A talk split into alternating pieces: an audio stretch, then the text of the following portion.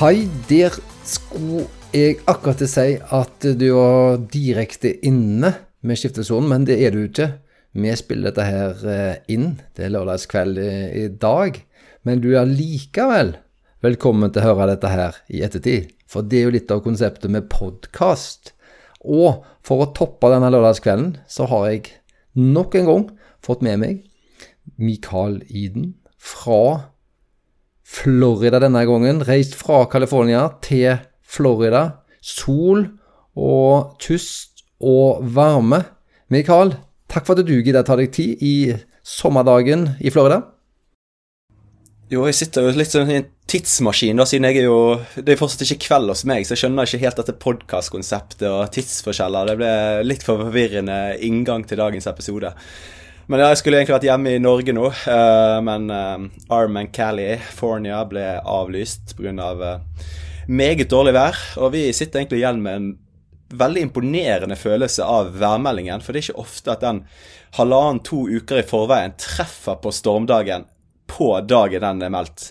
Så den stormen som skulle komme søndag, eh, da 24., er ikke det det blir, den kom søndag eh, 24. Og, som meldt. Så det, det, løpet ble jo ganske greit eh, avlyst. Det var veldig kjipe forhold i Sacramento. Drittmye regn og, og, vind. Det var greiner som hadde knekt over løypen og, og det som var. Eh, så var enig i beslutningen med kansellering der, men eh, det var litt rart at vi fikk vite det 45 minutter før start. da.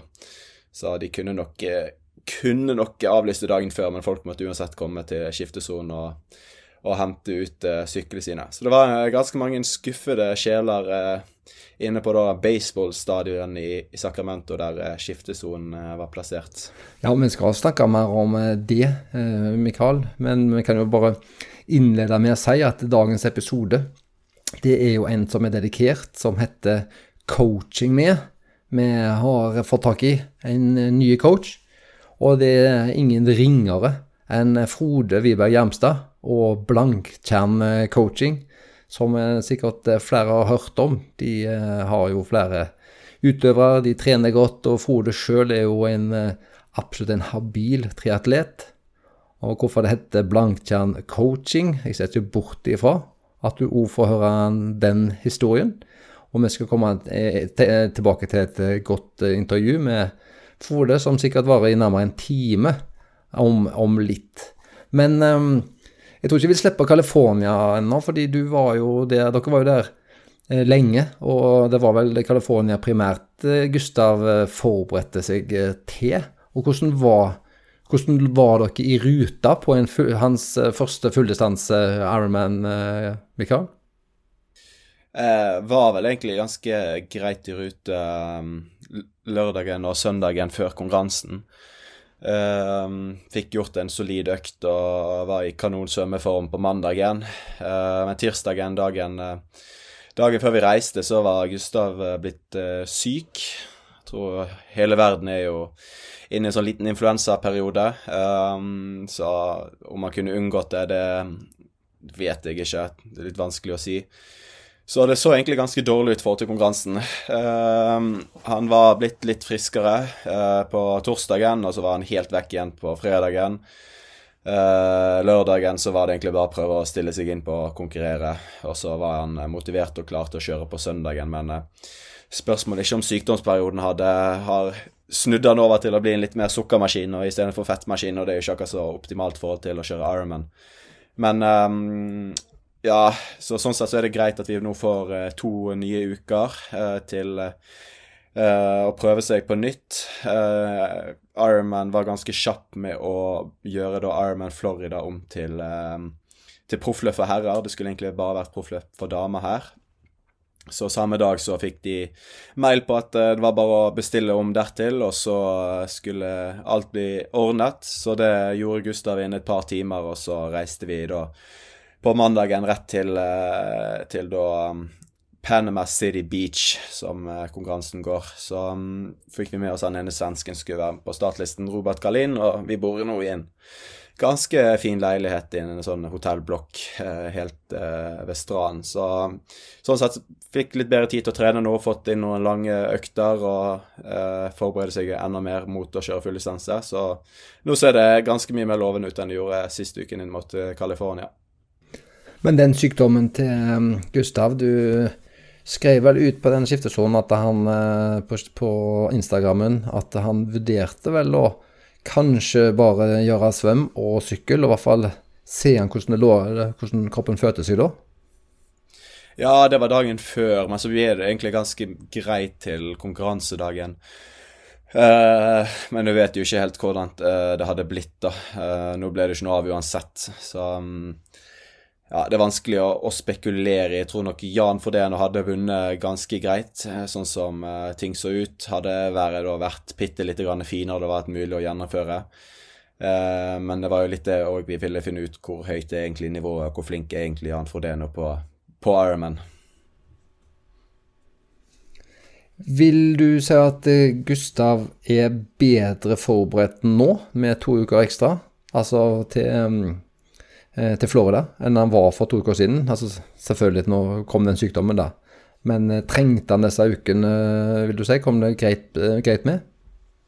Ja, det blir egentlig ikke feil å få litt ekstra trening i lavlandet til å kjøre litt lengre økter med grei muskulær belastning. Så sånn sett er det fint. Men var jo klar for å gjøre konkurransen sist uke med den treningen som vi var hadde klart å få inn i forhold til til den langdistansekonkurransen. Nå blir det, det blir litt konkurranse her òg. Det ser ut som Lionel Sanders skal være med, og Cameron Rurf. Uh, han eh, kom jo seg ikke til California. Han hadde problem, samme problem som jeg hadde med NIE for å reise inn i USA, så han uh, måtte bare kansellere den turen. Men nå har han kommet seg til USA, men nå har han ikke temposykkel, sies det. Så hvis han klarer å få tak i temposykkel, så uh, blir han òg med her. ellers er det en som heter Metzler er med, og så Ja, det blir et OK startfelt, men uh, Gustav gjør det uansett mest for å få erfar erfaring på den distansen. Ja, jeg ser på den trirating.com, så er det vel en sånn winning odds. Og det er vel Cameron Worth som ligger klart øverst foran Justin Metzler.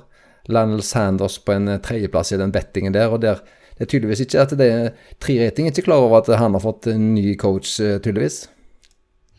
Nei, Sanders er i toppform og uh, passe motivert. Så jeg tror uh, han skal gjøre det ganske greit hvis han gjør, gjør som han får beskjed om siste uke nå. Ja, har du Du snakka om i forrige podkast når det kom fram at du trente han. Um, har du blanda deg i noe som helst, eller skulle han kjøre ut denne sesongen på, for egen hånd? Eh, han fikk egentlig styre denne sesongen uh, sjøl. Uh, og når det andre løpet ble avlyst nå, så uh, sa jeg til han hvis du har lyst til å kjøre, så er det greit. Hvis du ikke har lyst, så, så er det greit, det òg. men ja, det er litt sånn Det er for og imot på begge deler. Så, så han har lyst til å kjøre en, en 70,3 konkurranse til i år, og så ta sesongpause i, i desember, og så blir, eh, blir, det jeg som styrer kalenderen neste år. Eh, på vei mot uh, dette intervjuet med Frode, så har vi jo noen nordmenn som har kjørt noen konkurranser de siste uken, Mikael. Og i episoden vår så Siste episode så hadde jo du forsøkt å komme i kontakt med noen. Har vi fått noe svar fra deg? Og det var vel eh, Jørgen som hadde kjørt på en plass. Nei, det var Jørgen sin kompis. Det var Christian Grue og Christian Rød og Julie Aspesletten. De hadde jo kjørt Challenge Salu uh, etter, eller før forrige episode. Uh, vi hadde jo prøvd å komme i kontakt med de. Fikk ingen, ingen svar til podkasten, men i etterkant av episoden så har jo de de har hørt dette her, og vi har fått uh, meldinger på at uh, ja, spesielt Christian var jo Christian Grue var jo ikke fornøyd med, med løpet sitt der. Det var brutalt å kjøre duatlon, men han beklaget så mye og skulle da skjerpe seg til neste konkurranse neste år. Så da får vi satse på at de er litt mer på hugget i å levere race reports til skiftesonen til neste år. Det gjør de nok. Men Jørgen har da kjørt, og du har til og med skrøt over at han hadde en eh, god svøm. Og hvor var det henne? Jo, Jørgen uh, har kjørt sin første, første, første halvdistanse. Det var uh, uh, Portugal. Ironman 70,3 Portugal. ledet jo svømmingen svømmingen der. Falt litt gjennom på sykkel og falt enda litt mer igjennom på løping, men ble egentlig ikke et så halvgale resultat på Jørgen på sin første fulldistanse, eller halvdistanse. Han har jo slitt litt eh, med, tre, med skader og sykdom i, i forberedelsene her, da. Uh, så jeg syns det var en uh, grei debut. Så det blir spennende å se om han fortsetter å kjøre halvdistanse til neste år, eller om han vil holde seg til kortdistanse. Det har ikke vi fått noe svar på. Kasper Stornes var jo òg med på løpet der. han leverte veldig habilt på svøm. Litt Litt bak selvfølgelig første, som var Jørgen, uh, men kjørte seg bra opp uh, på sykkel. Var nummer to ut på løping. Um, og uh, jobbet seg opp mot teten i løpet av fem kilometer, men måtte da gi seg på løp. Har hatt en liten akilleskjenning siste halvannen ukene, så det var for så vidt planlagt at han potensielt måtte gi seg på løp der. ville få med seg reisen og turen ned, så han først hadde bestilt. og og det var klart. Så det var ikke noe sånn ja, problem at han, han kjørte og, og, brøt sånn sett. Men er, er dette, Mikael, denne eh, akillesen til Kasper, er det noe han har hatt før, eller er det noe som kan sette han litt tilbake nå i uh, offseason og trening? Eh, jeg prøver å gjøre det beste ut av det nå med å kjøre aquajog og og Ellipse har jo en konkurranse neste uke. Han skal kjøre VTCS eh, Abu Dhabi. Det er i hvert fall på planen.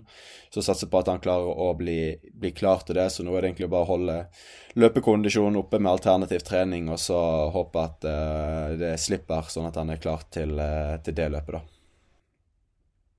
Men uh, var fall noen, en annen nordisk venn som vel har kjørt sterkt i det siste. Magnus, Magnus Ditlev. Ja, Magnus Ditlev vant jo dette løpet. Eh, fått eh, tre podier på tre helger på halvlisense, eh, som er jo en ganske imponerende rekke. Eh, så det mm, sier jo seg at det, det går fint an å kjøre halvlisenser flere helger på rad og levere hvis du er i god form og begynner å bli godt trent.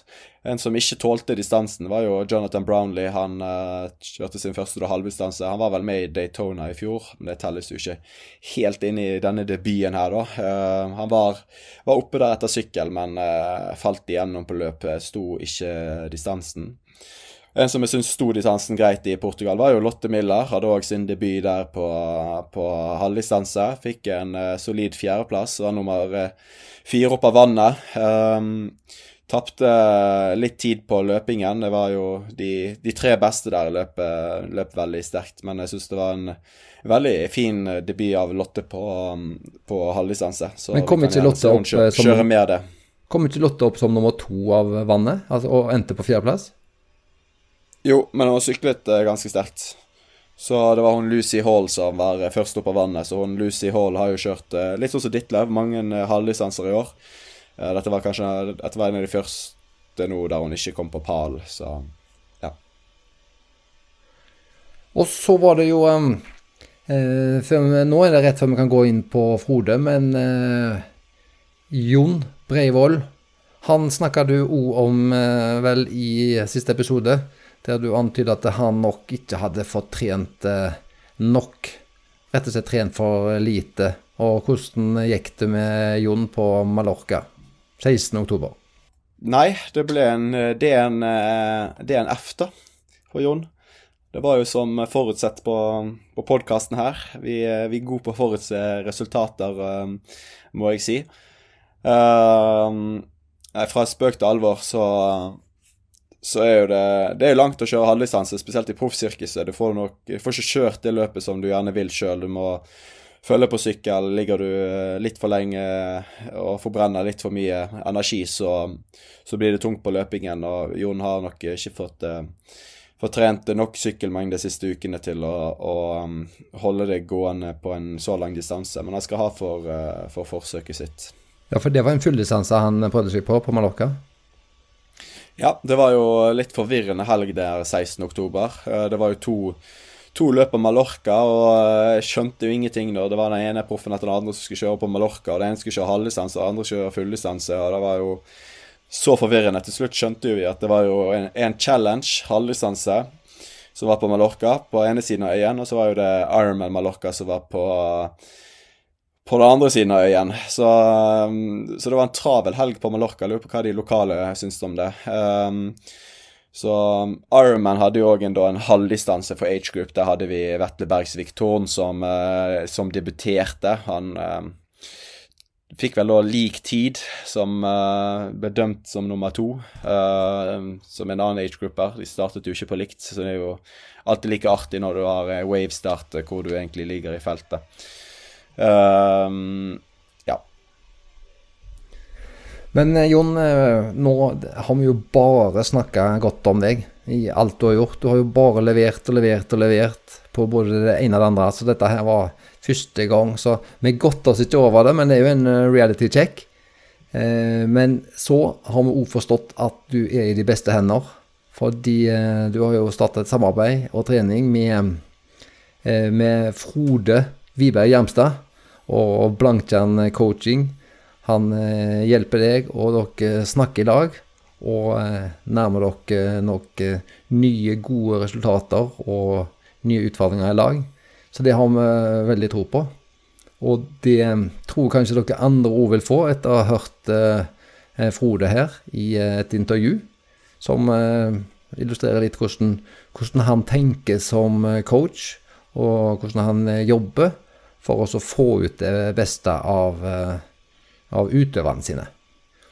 Så Mikael, meg og deg kommer nok eh, tilbake etter intervjuet med både ting som skjer og skal skje, og resultater og sånt. Men eh, nå føler jeg at det kunne vært greit å høre på dette her eh, intervjuet. Frode Wiberg Hjermstad, altså. Blanktjern coaching.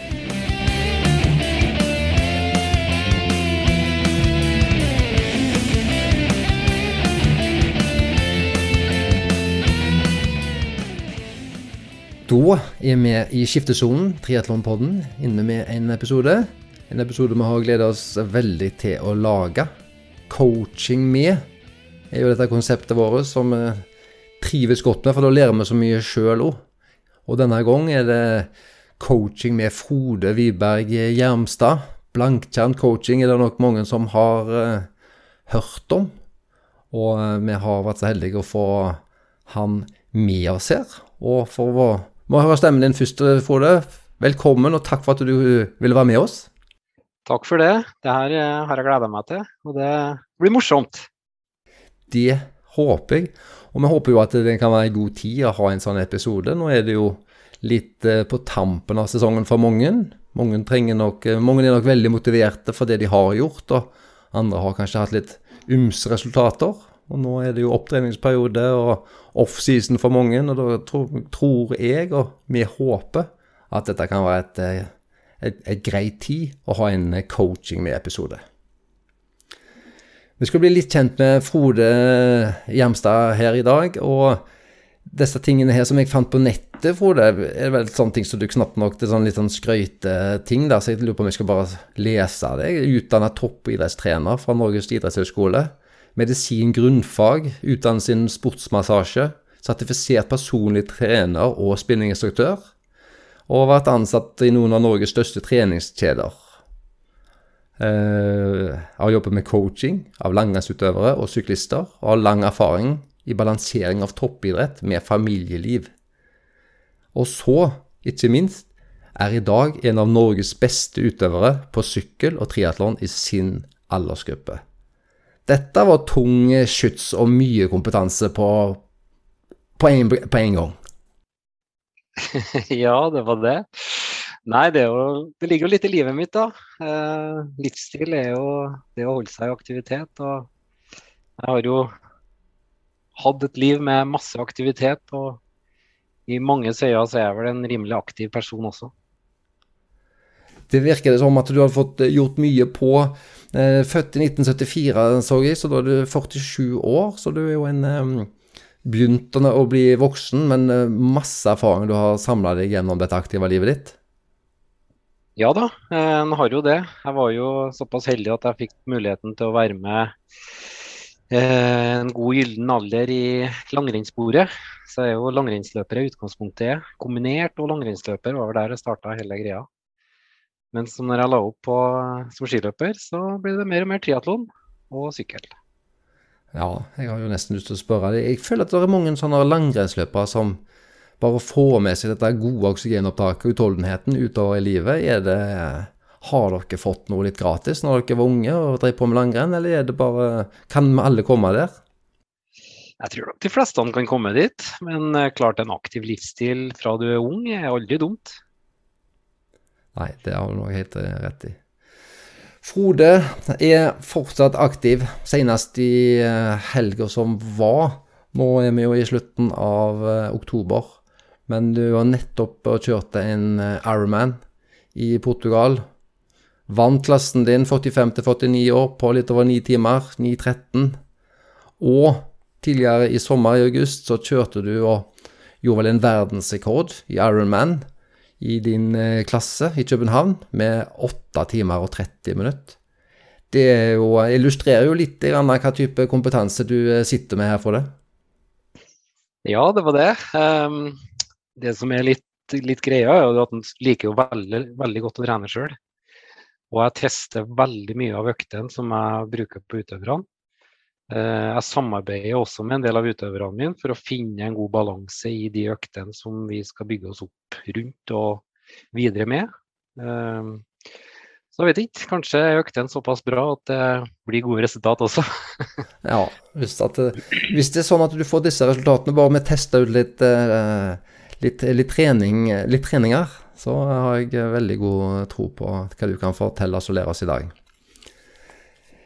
Du, Eh, når vi nevnte denne her eh, Portugal og eh, Ironman København som du har gjort denne sommeren Jeg har bare lyst til å få litt sånn stemningsrapporter og sånn.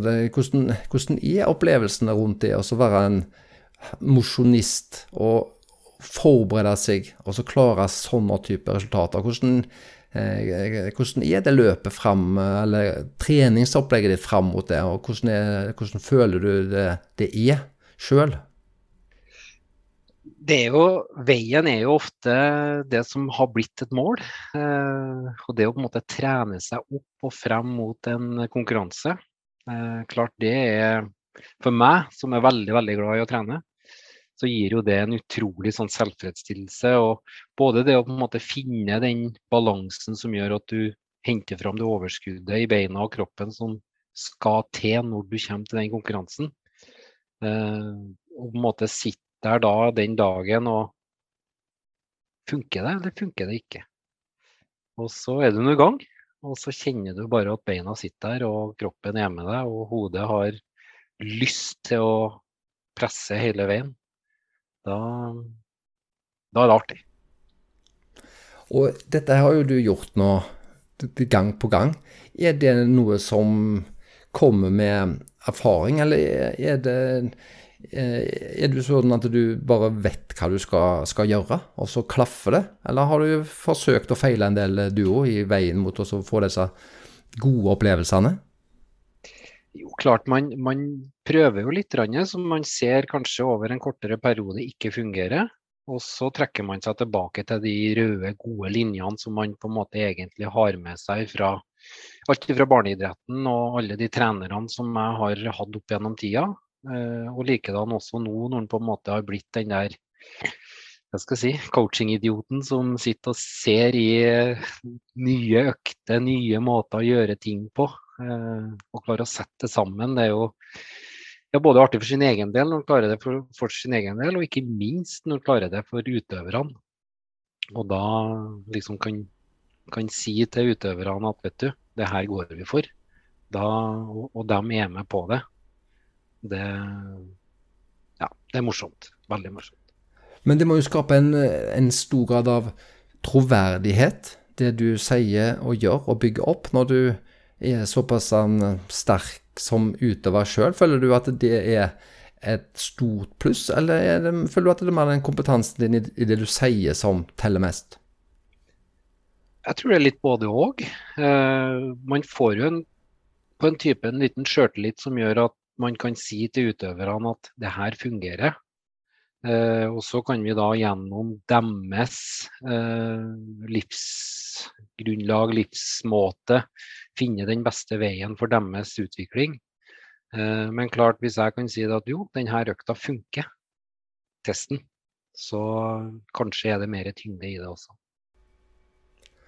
Men denne dagen jeg tenker, Nå var jo du nettopp i, i Portugal, men jeg tenker på denne København uh, Du er 47 år.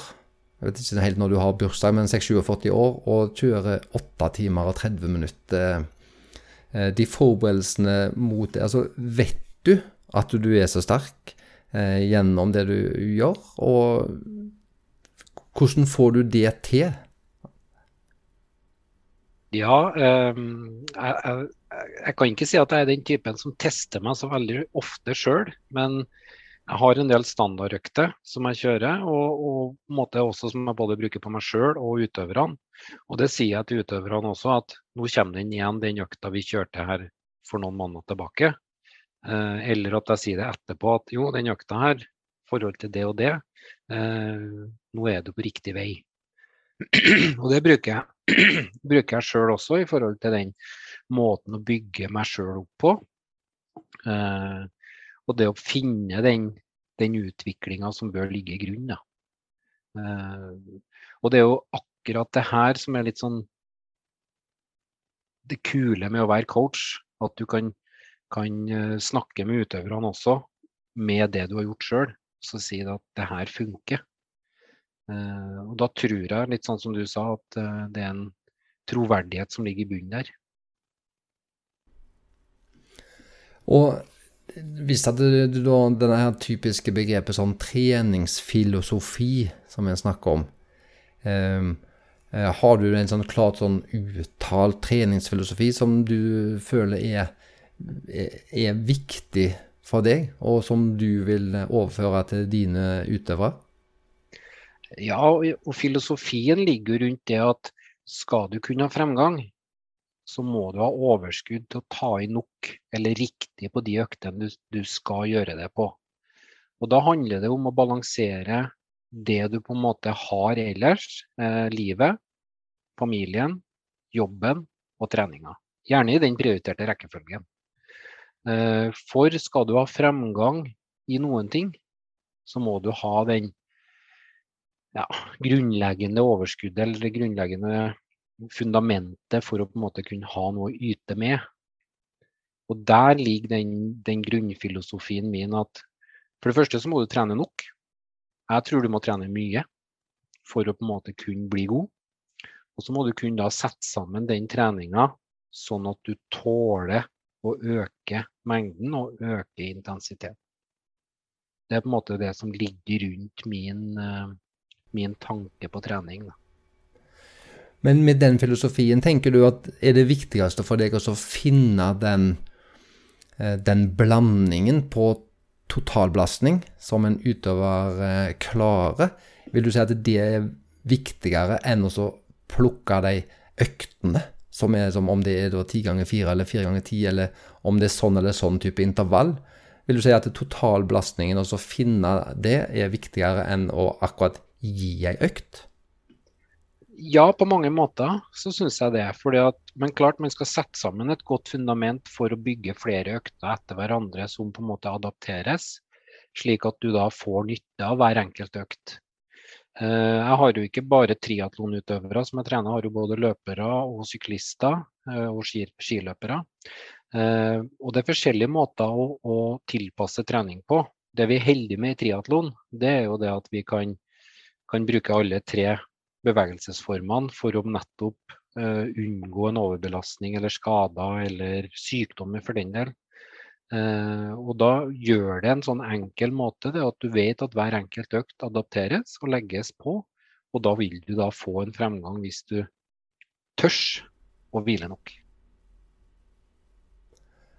Og er det òg en um, del, altså når du da skal tilpasse denne her totalbelastningen. Det å lære opp andre til å skjønne hvorfor du legger det opp på denne måten.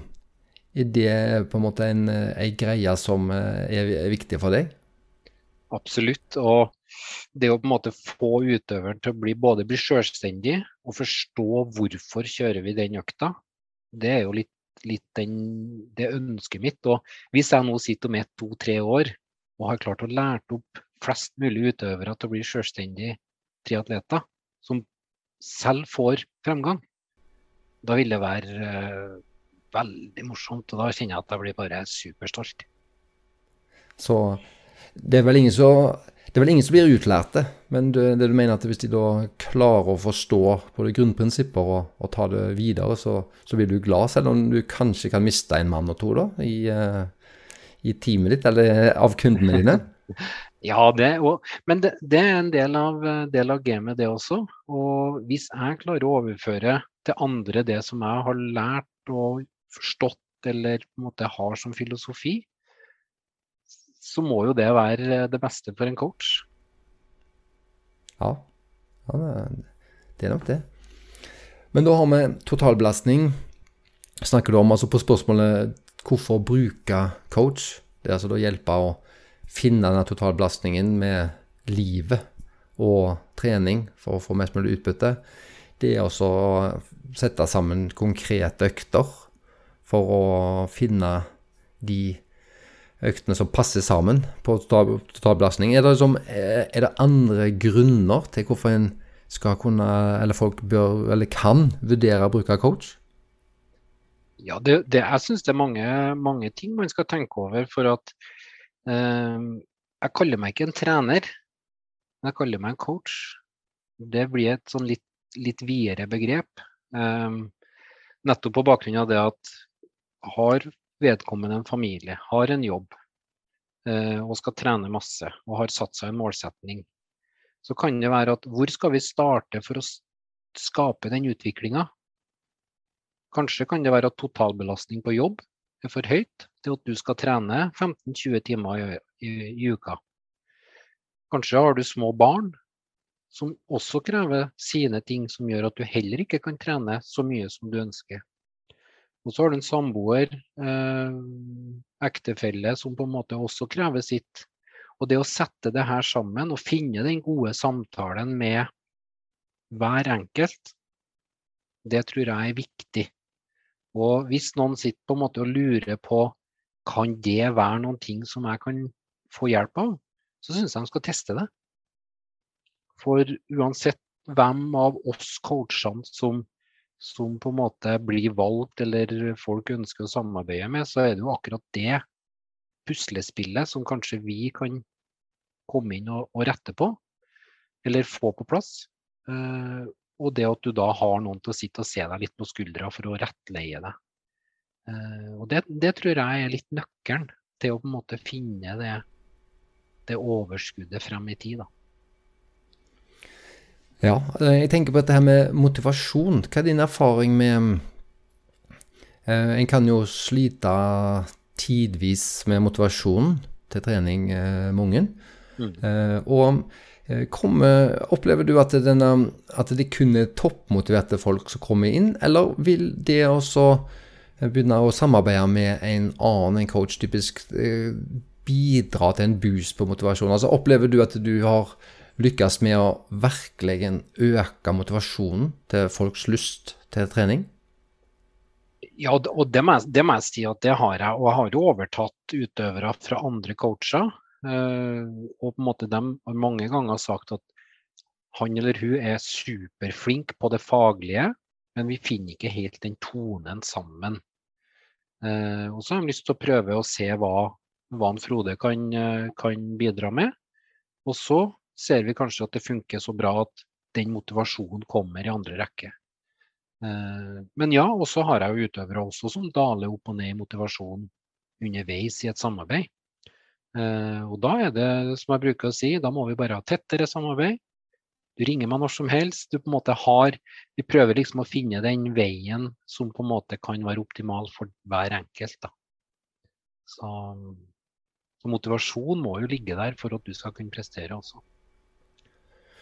Men når vi sitter og hører på, uh, hører på en coach og snakker, uh, er det noen utøvere som spesielt er, er, det noen utøvere som er mer rette til å vurdere coach enn andre, eller er dette noe som egentlig passer alle? Jeg skal ikke si at det passer alle, men jeg tror utøvere som på en måte er litt i villrede hvis, uh, For mange ganger så kommer det utøvere og spør liksom Hva kan du hjelpe meg med? Uh, og da tenker jeg med en gang at OK, da er du sjøl også litt i villrede. Da er det å spørre og finne en løsning og finne på en måte hva, hva er grunntanken til vedkommende, og så ta det derifra. Og så se. Eh, og så kan det være at du sier til vedkommende at kanskje skal du prøve andre. Vær så ærlig. Det er jo tross alt en investering for, uh, for en person også. Og jeg tror man bare skal være så ærlig og si at noen ganger så er ikke, er ikke vi den retten sammen. Og andre ganger kan det være 100 match. Men når du er i starten på en sånn type samarbeid eh, Du sier at du, du kan jo få eh, Via andre trenere eller andre coacher så kan du få tak i noen eller begynne å etablere et samarbeid.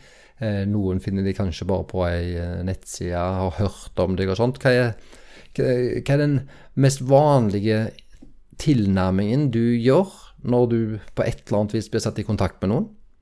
For å bli bedre kjent med dem, og hvordan starter du et samarbeid? Jeg bruker ofte på en måte nesten å gjøre en sånn liten enkel samtale hvor man på en måte begynner å snakke litt om hva du har gjort før, hvordan er jobben, hvordan har du hjemmebane. Begynner å kartlegge litt det her eh, på en måte tidstyvene, energistyvene osv. Og så kan du gå tilbake og høre litt på hvor ligger motivasjonen til å ta det ekstra steget. Og så bruker jeg ofte å si det at du har jo egentlig gjort det første steget, for du har spurt om hjelp. Og da er det jo et grunnlag for et godt samarbeid. Og så tar man det videre i form av det at uh, fordelen nå med å velge en coach, da vil du ha noen til å følge med deg. Du vil ha noen til på en måte å hjelpe deg med de usikkerhetene du har hatt opp igjennom. Og så sitter en liten luring på skuldra di og følger med hva du gjør. Og med det så skapes det en, en drive og en forventning om at ting skal skje. Og da er det min plikt å la det skje videre. Så, og som jeg sier til dem at eh, det å kunne skape fremgang skapes også gjennom en god dialog. Eh, si litt sånn på flere på at jeg er 24-7 tilgjengelig, bortsett fra helgen og etter klokka fem. Sånn sånn at, eh, men vi ønsker å være tilgjengelig, og jeg tror at uh, man skal ikke være for tilgjengelig heller. Men utøverne skal vite at i hvert fall klokka åtte dagen etterpå så er en Frode på tråden om det skulle være noen ting. Men når vi blir kjent, sånt, eh, er det bare gjennom denne dialogen at vi blir kjent, eller har du noe sånn vi har jo hørt om noen andre som rett og slett bruker et spørreskjema som en uh, fyller ut. Uh, men er det kun denne interaksjonen mann til mann eller jente til, til mann du bruker? Jeg, jeg, bruker mye det verbale med at vi snakker mye sammen. vi har også en form for et sånn formular, men det, det, er ikke der jeg på en måte bygger filosofien eller bygger videre på det samarbeidet. Eh, det kommer mye gjennom den første tida eh, vi samarbeider. Jeg bruker mye Jeg bruker Training Peaks som et sånn uh, verktøy for å, å, legge inn og følge opp treninga. Og gjennom det så ser man jo hva utøveren har gjort før, og så ser utøveren hva vi gjør videre fremover. Og da kan det være spørsmål om hva som skjer fremover, og så har jeg gjerne også spørsmål om hva som har skjedd tilbake. Og da får man den fine, gode flyten i dialogen. Og eh, som jeg sier til utøverne, at spør. Bare å spørre. Og så har vi jo Mange av utøverne sitter jo i Trondheim her.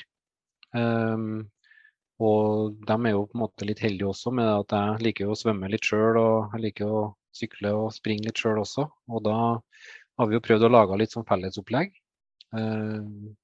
Og vi ber inn litt til samlinger, vi ber inn litt til, til sånn type aktiviteter som gjør at man får et fellesskap. Eh, hvis man ønsker det. Eh, da har man muligheten til å, å få en enda tettere dialog med, med hver enkelt. Eh, Så det vil si at du, du har eh, samlinger, du har treninger, eh, men det er da primært for de utøverne som er i, sånn noenlunde tilknytta Trondheim i, i geografi, da. Ja, det, det blir litt det. Eh, Jeg har fått en unik mulighet gjennom et bekjentskap av meg til å leie en svømmehall hver søndag eh, mellom fem og åtte. Da kan vi jo svømme hele tida. Da kan familie og venner og hva som helst bli med der. Pluss at vi har prøvd å møtes en morgen eh, i Pirbadet i Trondheim eh, i, i ukedagene. Og så møter jeg da utøverne når de har ønska, og når jeg ser at det er behov for å gjøre noen, noen justeringer. Eh, I tillegg så begynner jeg å få en del utøvere på, på Østlandet, og, og tenker å på en måte kanskje også kjøre ned eller fly ned og gjøre eh, direkte interaksjoner med dem også. Og hvis at en da sitter mm, på, på, på Vestlandet, så vil du jo kunne veilede, jeg ut ifra via digitale medier og, og oppfølging, telefon og, og sånn Ja. type ting Det likevel. blir, det blir ikke noen forskjell. Nei. Nei. Så du, har, så du tar imot eh, sånne eh, deltakere eller eh, kunder fra, fra hele landet? Ja, absolutt. Jeg har jo folk fra Skottland og Sverige også. Ja. Sånn oppfølgingsmessig, eh, er det, er det noe sånn standard eh, opplegg du følger de opp på med så ofte du har kontakt, eller er det opp imot hva de trenger sjøl? Eh, blir det mindre og mindre etter hvert som de blir flinkere og flinkere, eller blir det mer og mer? Hvordan legger du opp oppfølgingen av folk? Det, det jeg gjør, og det jeg sier til alle utøvere, at jeg ser alle øktene de gjør. Og ut ifra det så gir jeg noen ganger bare en tommel opp. Litt ut ifra hva de har kommunisert tilbake. Og så noen ganger kan det være en litt lengre avhandling, eh, som man på en måte trekker dem videre mot. Eller så tar jeg, tar jeg opp telefonen og ringer. Så det blir en sånn litt etter hvor de er hen og hva de ønsker. Eh, og så blir det jo Du må jo si at du blir veldig godt kjent med utøverne. Så det blir jo Og du ønsker jo derfor også å gi noe til dem. Men lager du Så når du tenker i eh, treningsprogrammessig, altså lager du typisk et eh, opplegg som de skal følge i eh, Er det 14 dager? Er det en måned? Er det en uke? Hva sånn omtrentlig program vil en da kunne forvente å få, som du følger de opp på? Det som jeg gjør, det er det at eh, gjennom den dialogen vi har hatt gjennom den måneden som har gått, så bygger jeg da et nytt program ut ifra eh, hvor de er hen i utviklinga. Og da setter jeg opp for neste måned ut ifra den, den oppfølginga og den veien vi har gått i foregående måned. Og så selvsagt hvis at det er en konkurranse to-tre måneder frem i tid, så bygger man kanskje hele veien frem mot den konkurransen for at utøveren også skal kunne se, se veien sjøl. Men i utgangspunktet, før den første hver måned, så er programmet klart. Eh, og så hvis det er noen justeringer som bør gjøres, så har, dialog, eh, har vi dialogen hele veien. Og utøveren kan tidlig komme inn og få eh, den endringa man ønsker, eller hvis vi da, sånn som nå i tilfellet her, så har vi noen utøvere som har blitt syke. Og da må vi inn og gå inn og på en måte se hva kan vi gjøre for å få dem raskest mulig tilbake. Så, det er, så du kan se meg rett inn i øynene altså, og si at du, du lager et program til meg, og det er ikke sånn copy-paste omtrent 90% fra en del andre. Så du, du tar hensyn til alle de eh, behovene den enkelte har, og syr sammen et opplegg på hva slags økter som fungerer for denne, og hva de trives med, og hva de har tid til. Det er hele ideen min. Det betyr jo at det er ganske arbeidskrevende for deg opp for altså det å følge opp hver enkelt. Det er ganske Det går en del tid. Det gjør det, men det er jobben min òg. Men tenker du at det er en begrensning på så mange uh, Det er jo selvfølgelig en begrensning i så mange en kan ha, men uh, er du der at du har aktivt uh, liksom en, en, gjort en aktiv vurdering på så mange du kan ha for å kunne følge de opp tilstrekkelig, eller så godt som du ønsker? Ja, klart. Man, man, skal ikke ha for mange, for det går utover dem som på en måte allerede har, har tatt det skrittet å velge meg som sin coach. Eh, og et sånt skjæringspunkt, det vil nok komme en gang. Eh, det som vi, vi, også er litt heldige på, det er jo det at både jeg og kona mi driver jo, driver jo Blanktjern coaching sammen. Eh, og så har vi et samarbeid med to eh, sykkelcoacher som også har kommet inn og på en måte etter hvert skal avlaste mer rundt dem som på en måte ønsker å få spesialisert seg mer inn mot sykkel. For jeg sjøl er, er, god på treningsbiten på sykkel, men kanskje ikke så god på den eh, rittbiten på sykkel. Og, og, det å på en måte kunne bruke ekspertise som på en måte igjen da man kan dra nytte av inn mot, mot eh, rittspesifikke økter, eh, så føler vi at vi, vi, på en måte styrker kunnskapen vår. Da. Uh, og for min del så er jo det en kjempemåte å lære på. Og det å på en måte kunne trekke med seg flere som er både bedre og, og har mer kunnskap på enkelte områder. Så det vil si at eh, eh, vi kan føle oss trygge på da, at hvis vi tar kontakt, og du eh, sier ja til et samarbeid, så kan vi føle oss trygge på at du eh, har tid til oss, og at eh, vi får den oppfølgingen vi, vi skal ha. Ellers så, ellers så, ville du sagt nei. Absolutt. Ja, det var betryggende. Jeg trodde jo det var sånn to, altså. Jeg bare tenkte ja. eh, Det er jo noen som eh, jeg tenker ikke i triatlonverden, for jeg hadde bare fine mennesker. Men det er nok, eh, det er nok noen eh, miljøer som er litt sånn mye vil ha mer. Ja, og så er litt filosofien som går rundt det at uh, jeg ønsker å se hver enkelt. For hver enkelt fortjener å få den oppfølginga de har inngått det samarbeidet rundt. Da. Og da, da må vi ha tid til hver enkelt. Men så mye eh, Du sa at eh, hvis du jobber og har samboer og barn kanskje, så, så, så, nevnte du litt tidligere i dag at eh, du, du kan kanskje ikke trene 15-20 timer. Men vil f.eks. en, en, en mosjonist som ønsker å bli bedre, er motiverte, så har han kanskje i størrelsesorden, han eller hun i størrelsesorden 5 til sju-åtte timer å bruke, er vi da innafor at en kan uh, tenke coach, eller er, du, er, det rett og slett sånn at det blir for lite, da blir det bortkasta? Nei, jeg syns uh, det handler litt om ambisjonsnivået. Og kanskje skal man da virkelig vurdere om man skal ha noen til å strukturere den treninga man da virkelig klarer å få til i løpet av de fem, sju, åtte timene i uka. Eh, for ambisjonsnivået kan nesten være like høyt. Eh, og mange som jeg snakker med, eh, som ønsker å på en måte se hva vi kan gjøre for dem, sier jo det at når jeg stikker ut på økt, så blir det den runden som jeg er vant til, og så går den altfor fort hver eneste gang. Og hvis de da noterer da inn i treningsdagboka, og så ser jeg det, da har de noen som på en måte følger med, så kan vi roe ned, vi kan gjøre andre typer trening. Så får du mye mer igjen for de timene du legger ned. Og Da er vi jo på nøkkelen med i forhold til det her med å finne den balansen i, i hverdagen som man ønsker seg. For Skal du stå stille på en konkurranse, så har du jo som regel prøvd å få alle kortene til å stemme i kortstokken.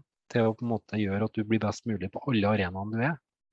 Og hvis du da ønsker å kjøre f.eks. under 11 eller 10 eller 9 timer på en Ironman, så, så må det stemme.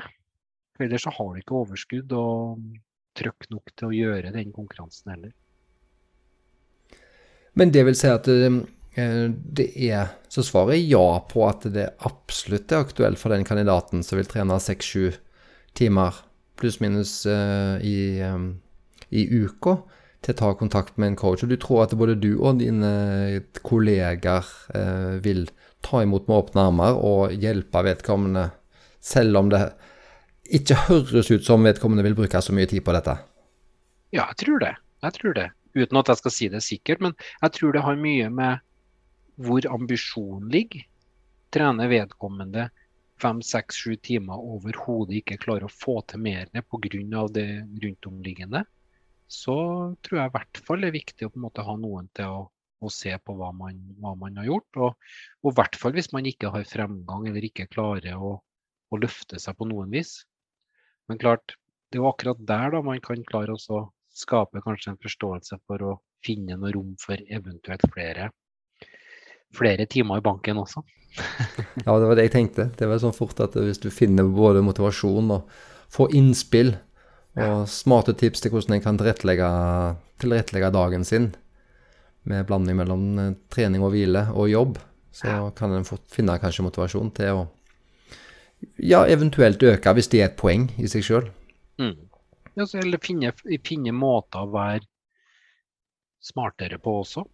Kanskje har man ikke sett det sjøl, og så kan en utenforstående eh, se de mulighetene.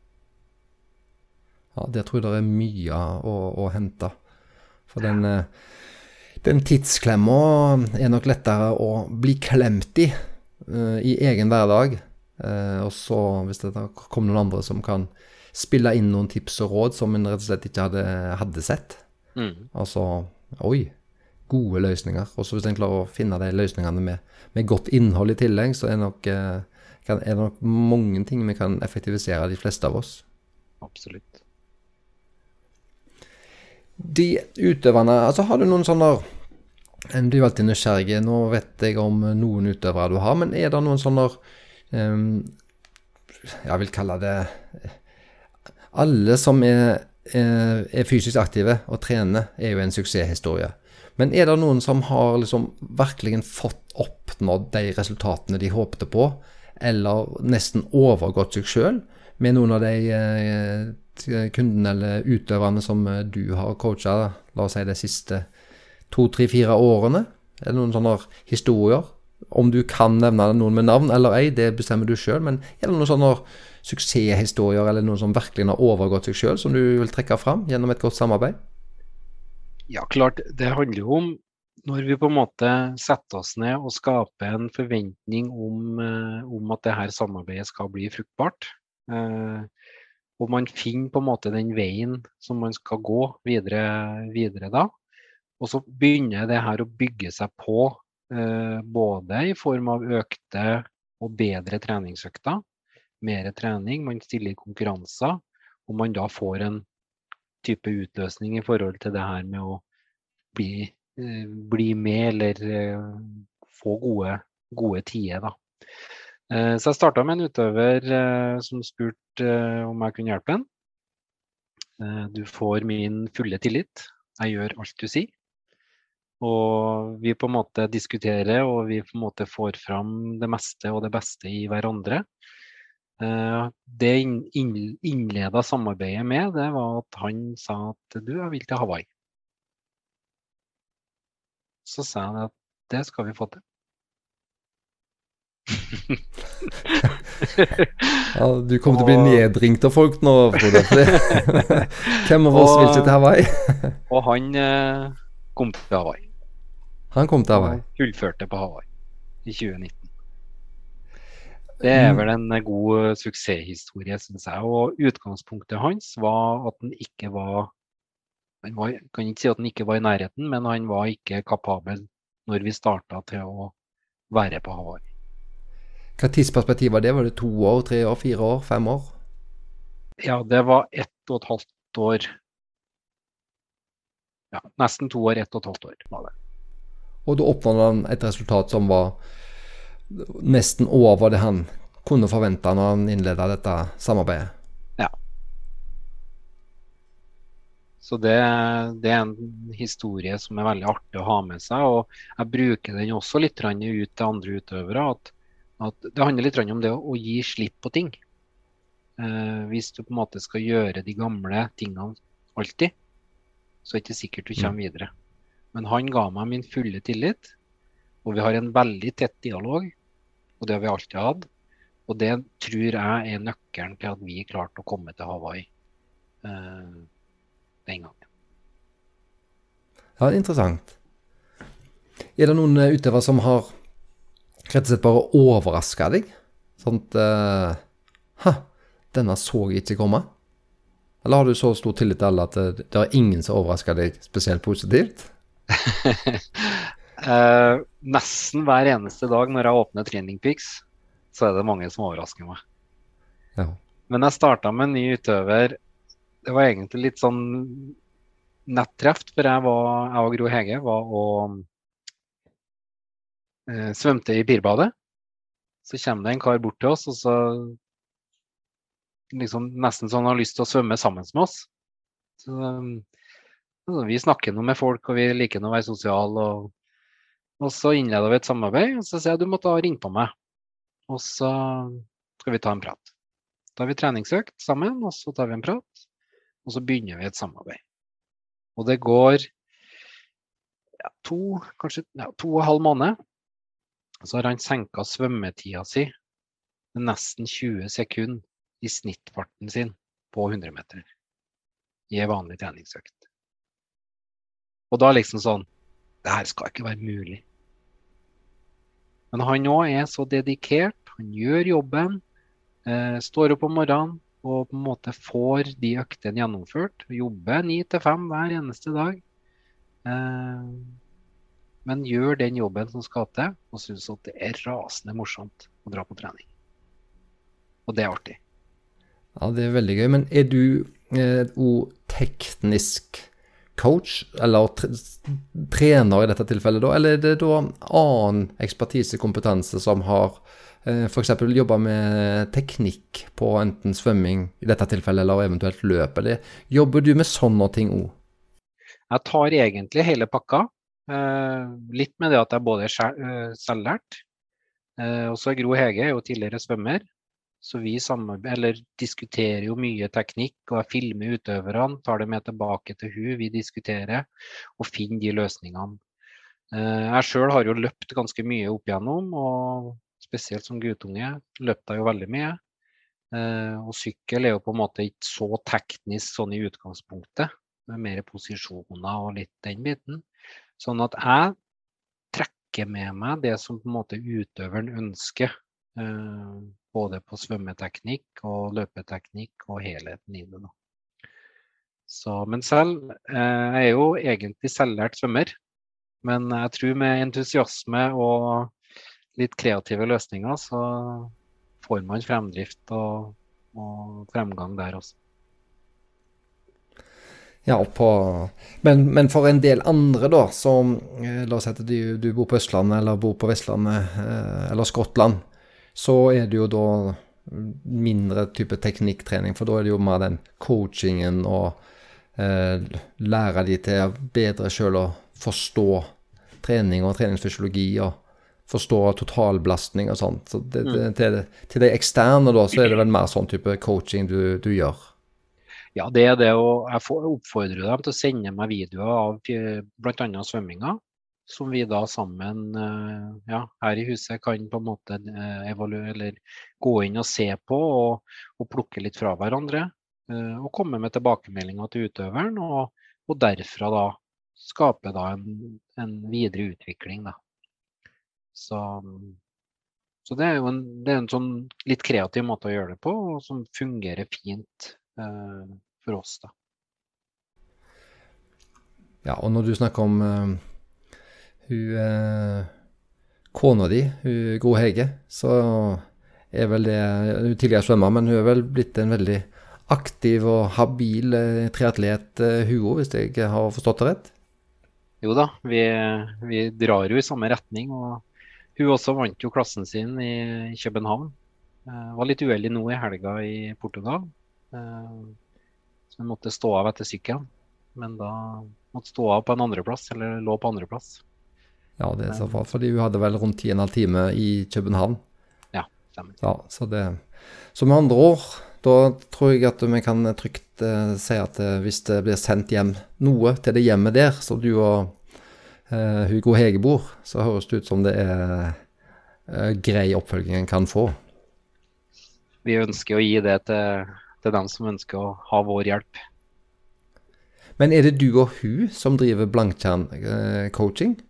Eller er det noen andre Du snakket jo om disse Du har jo fått trukket veksler på noen eh, Altså syklistene, som du sa nettopp. Eh, er de selvstendige, eller er det et selskap? Er det ansatte? Ja, på en måte vi Man kan jo kalle det ansatte, men, eh, men på en måte det er jo folk vi, vi trekker til oss med deres kunnskap, og de får, får sin betaling gjennom tjenestene de gjør. da. Så det er du og, eh, og hun som, som driver Blankjern coaching? Ja, det gjør vi. Eh, ligger det noe symbolikk i Blankjern coaching, eller er det et tilfeldig navn? Jeg regna med du kom til å spørre. Ja, det slo meg nå. Eh, det, det, er en, det, er et tjern, et vann, i Åre i Sverige. Jeg og to kompiser var ute og sykla terrengsykling. Litt sånn knotete stisykling. Og så kom vi frem til et vann, og det var helt blikk stille. Og du ser bunn, og du ser fisken svømme uti der. Jeg ble helt bergtatt, og det heter da Blanktjern. Og da ble det Blanktjern coaching. Ja, det var jo en logisk forklaring, men det er altså et tjern i Åre i Sverige. Yes. Som bare tydeligvis uh, betydde noe ekstra fordi det var så fint. Ja, Absolutt. Nei, det var jo um, Det var jo en historie. Vil du si at altså sånn som nå, Du kjenner jo dine egne kunder eller utøvere og sikkert har litt kontakt i miljøet. Er det typisk um, Er det flest menn eller flest kvinner som velger å bruke en coach? For min del så er det nok per i dag flest menn. Eh, men jeg tror ikke det er noen forskjell i utgangspunktet. Eh, om de velger, eller om de måtte velge å ta en coach om de er mann eller dame, det ja, Kanskje menn er mer tøffe til å på en måte ta det skrittet. Men jeg oppfordrer jo alle damer også til å ta skrittet. Ja, eh, på en måte så kan du velge den teorien at menn er mer tøffe, men samtidig så er jo ofte kvinner mye flinkere til å tørre å spørre om, om, om hjelp og veiledning. Mm. Altså Kvinner kan jo ofte egentlig være flinkere i utgangspunktet i veldig mye, men allikevel så eh, fronter de ikke på samme måten som denne flinke mannen. Så jeg, jeg ville jo på en måte trodd at mannen var Trodde han var så flink at han ikke trengte noe hjelp, mens kvinnen kanskje er flinkere men allikevel spør om hjelp, hvis du skjønte? og, og, det ser vi jo kanskje på, på de syklistene som jeg coacher. Der har det vært flere jenter som har spurt om hjelp, enn menn. Eh, men i triatlon, klart triatlon er er det flere menn som holder på også. Men, eh, men, eh, så det kan være et skille der også, at menn ja, har en mer sånn kanskje menn flinkere til å kjøre den sykkelfellesøkta enn kanskje jentene. Uh, og jentene da spør heller om hjelp der. Også, men har det jo vært 50-50 med menn og damer på triatlon, så tror jeg kanskje det har vært at uh, jentene har kommet òg. Ja, fordi det var Jeg trodde jo kanskje det var vel så mange da, av den av den logiske tingen jeg sa det, at de føler de mye flinkere til å spørre om hjelp, mens en del menn skal tro de kan det sjøl, og veldig ofte viser seg at det kan vi ikke. Men så kan det jo være at uh, jenter søker andre jenter som coach også. Og gutter søker menn som coacher. Det vet jeg ikke, men det kan jo være. Ja, vi har jo hatt eh, med en kvinnelig coach. Eh, Mette mm. var jo med her. Sånn som du kjenner miljøet, er der eh, eller bare, Sånn som jeg føler det, så er det kanskje flere menn som er coach? Eller er det, er det litt eh, mer likestilt der? Hva er din eh, erfaring? Nei, det, Dem jeg kjenner eller vet av, så er det kanskje flere menn som er i hvert fall innenfor utholdenhetsidretter. Uh, og det ser man jo også fra den tida jeg var sjøl langrennsløper og på landslaget i langrenn, at at der også var det jo flest menn som var trenere. Uh, og kanskje er det historisk sett det, det mest naturlige at det er menn, men jeg håper for alt at uh, jentene også tar, tar, skrittet og, og, gjør det her. For jeg tenker nå at i hvert fall litt rundt min filosofi rundt det å skape en helhet, så kanskje er jentene vel så flinke til å gjøre det som oss menn. Ja, og eh, det må jo bare oppfordre enda flere kvinner til, som har kompetansen. For det er helt sikkert mange som har kompetanse som coach og treningsveileder og kosthold, alle mulige ting. At de tar det steget og kanskje vil hjelpe andre. Jeg vet ikke om det er lettere å spørre en annen, en annen jente om uh, hjelp som coach enn en, mann. Det skal jo på en måte ikke ha noe å si, men kanskje hvis vi får enda flere kvinnelige coacher, at det blir enda mer uh, naturlig å be om sånn type hjelp. Jeg vet mm. ikke. Ja, det tror jeg nok absolutt. Og det kan jo være en oppfordring også. Til å på en måte ta det skrittet og For det er jo ufattelig morsomt det å på en måte kunne hjelpe folk, og ikke minst det å på en måte komme, kom litt under huden på folk også, til å, å, høre hva de sliter med, og hva kan vi gjøre for å komme videre derfra. og Bruke litt det her mellommenneskelige aspektene til å, å dra det videre. Og Der tror jeg kanskje damer er vel så flinke som oss menn. Ja, det sa du jo litt tidligere i dag òg, at du syns jo kanskje det var noe av det kjekkeste hvis at du eh, i løpet av en periode eh, klarte å lære folk så mye at de til slutt bare kan det sjøl. Altså, det gir deg en ekte glede. Mm. Selv om de i verste fall kan risikere å miste en, eh, en kunde.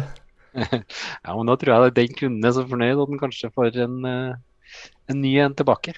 Det kan godt være.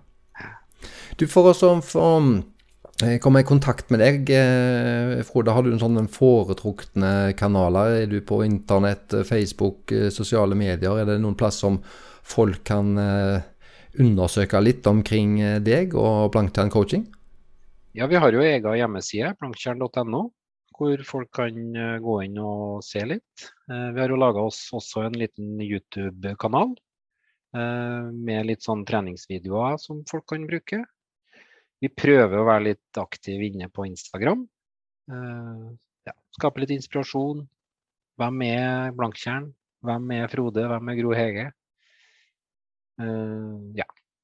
Og mailadressen vår står jo også på hjemmesida. Hvis man ønsker å ta kontakt. Og vi har også et eget sånn type kontaktskjema inne på, inne på hjemmesida. Så vi tror det skal være ganske greit hvis man ønsker å ta kontakt. Og det er jo helt uforpliktende å ta kontakt. Så det, og det å på en måte bare sette seg ned og snakke med folk også er jo, er jo veldig kjekt. Både for den som ønsker å se hva vi kan gjøre videre, og og for meg. Det er oss. Vi har tidligere spurt andre coacher om sånt. Omtrent hva en må forvente å betale for å få veiledning fra en eh, dyktig coach. Eh, står dette her på noen hjemmesider, eller eh, kan du gi noen sånne omtrentlige forventninger til hva en skal måtte betale for en sånn type hjelp? Mm. Nei, Vi har ikke satt noen sånn type fastpris, egentlig, fordi vi ønsker å bruke det som en sånn Hvor mye oppfølging ønsker du? Uh, og vi har, vi har, lagt oss på 1800-2000 kroner i måneden uh, for på en måte den jobben som vi, vi ønsker å gi til utøverne. Uh, så det er der vi har lagt oss. Og da får du faktisk den oppfølgingen som du har sagt. Da ser du på alle øktene. Du tilpasser en dedikert treningsmåned til den enkelte, og hensynstar både ting som dukker opp i livet, og eventuelt konkret mot konkrete mål noen måneder fram i tid, og tilpasse det eh, individuelt på, til denne personen. Ja. Det er hele, hele tanken ligger rundt det at man skal ha en viss likhet også. Og måtte bygge, bygge tanken rundt det at alle skal bli sett, og alle skal få en oppfølging. Ja, det, det er tillitvekkende. Det likte jeg å høre. Jeg satt og lurte på om jeg skulle prøve å få ut av deg noe sånn um, Et gratistips. Altså sånn som vi skal slippe å betale for, som uh, kundene våre skal Eller lytterne våre skal kunne trekke ut her nå. Eh, og da kom jeg over et eh, det, virker jo som at du er litt sånn eh, Ja, jeg finner ikke helt eh, ordet nå, men eh, du liker at ting skal se bra ut på sykkelen, har jeg forstått. Eh, og da leste jeg at du har et sånt verktøytips. Du slutta å ha verktøy i lommen når du er ute og, og sykler. Og da eh, så jeg et eh, tips som du eh, hadde med sykkelflaske med verktøy. Er det noe bare sånn for at det skal se bra ut, eller er det andre gode grunner for det? Du har plukka opp den, ja. Det var kult. ja, jeg syns det var en god idé. Jeg har ikke tenkt på det sjøl, men Nei. jeg skal mekke meg i sånne flasker. Kan du fortelle hva du, hva du gjør? Og hvorfor? Er du litt sånn uh, Nei, grunnen til at jeg gjør det, er at det er praktisk. jeg klipper en flaske i to. Eh, og så putter jeg slange og verktøy og det jeg trenger oppi der, gjerne en liten 50-lapp.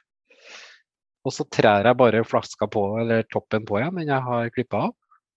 Og så står den på ramma eller på, på holderen bak på setet. Og det For det første så er det ganske romslig der, for du jo, kan jo ha 0,75-flaske, så du får litt forskjellige ting oppi der. Litt ekstra energi og litt sånn, men i tillegg så jo da, det ser jo finere ut inn ei uh, taske. en sykkel, det var akkurat den sykkeltaska, den, den, var du ikke noe videre begeistra for?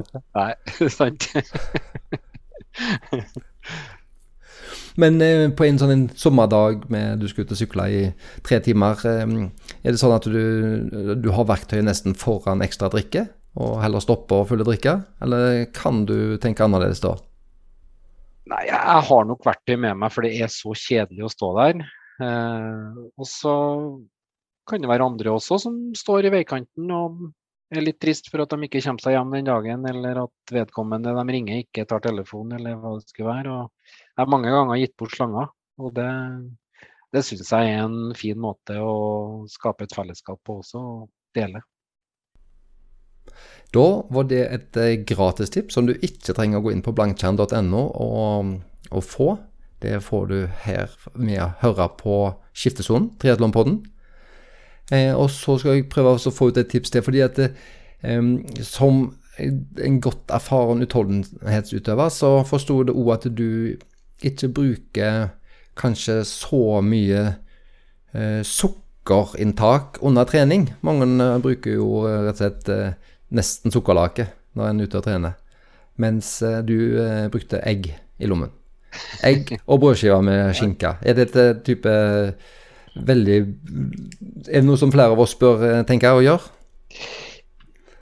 Det, det, her var en, en, liten episode som vi testa ut. Eh, og vi har nok gått litt eh, tilbake til å kjøre mer sukker ute. Vi gjør nok det. Men det med egg eh, på lomma, det var faktisk eh, kjempesmart. Eh, du får i deg ganske mye mat og mye proteiner, og det metter godt. Og du holder lenge på ei økt. Eh, men ja, du må også ha drikke og sukker for å få nok brennstoff til muskulaturen din. Spesielt på økter som er litt tøffere. Eh, på en vanlig langtur så er det nok med kanskje et egg på lomma og litt skinke på brødskiva.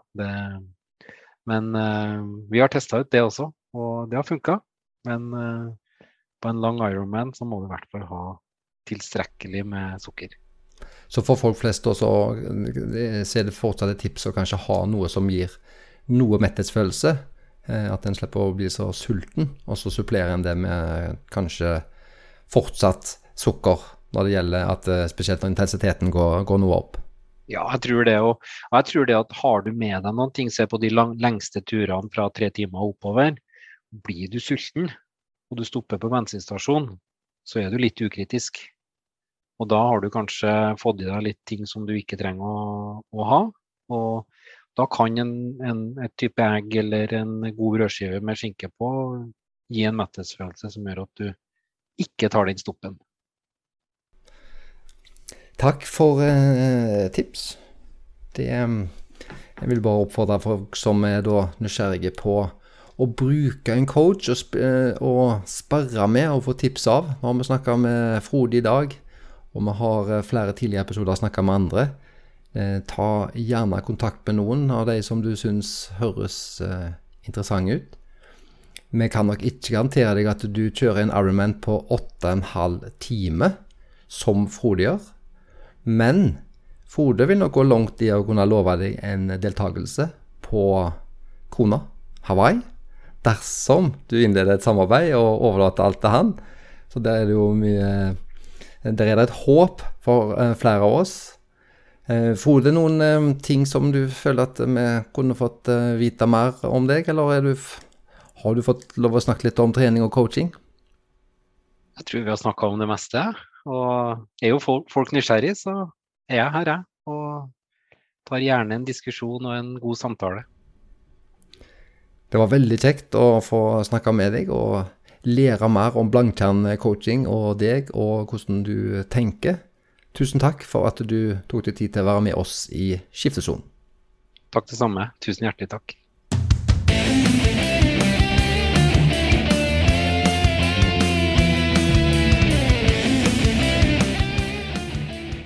Ja, det var Frode Viberg Hjermstad fra Blankjern eh, coaching.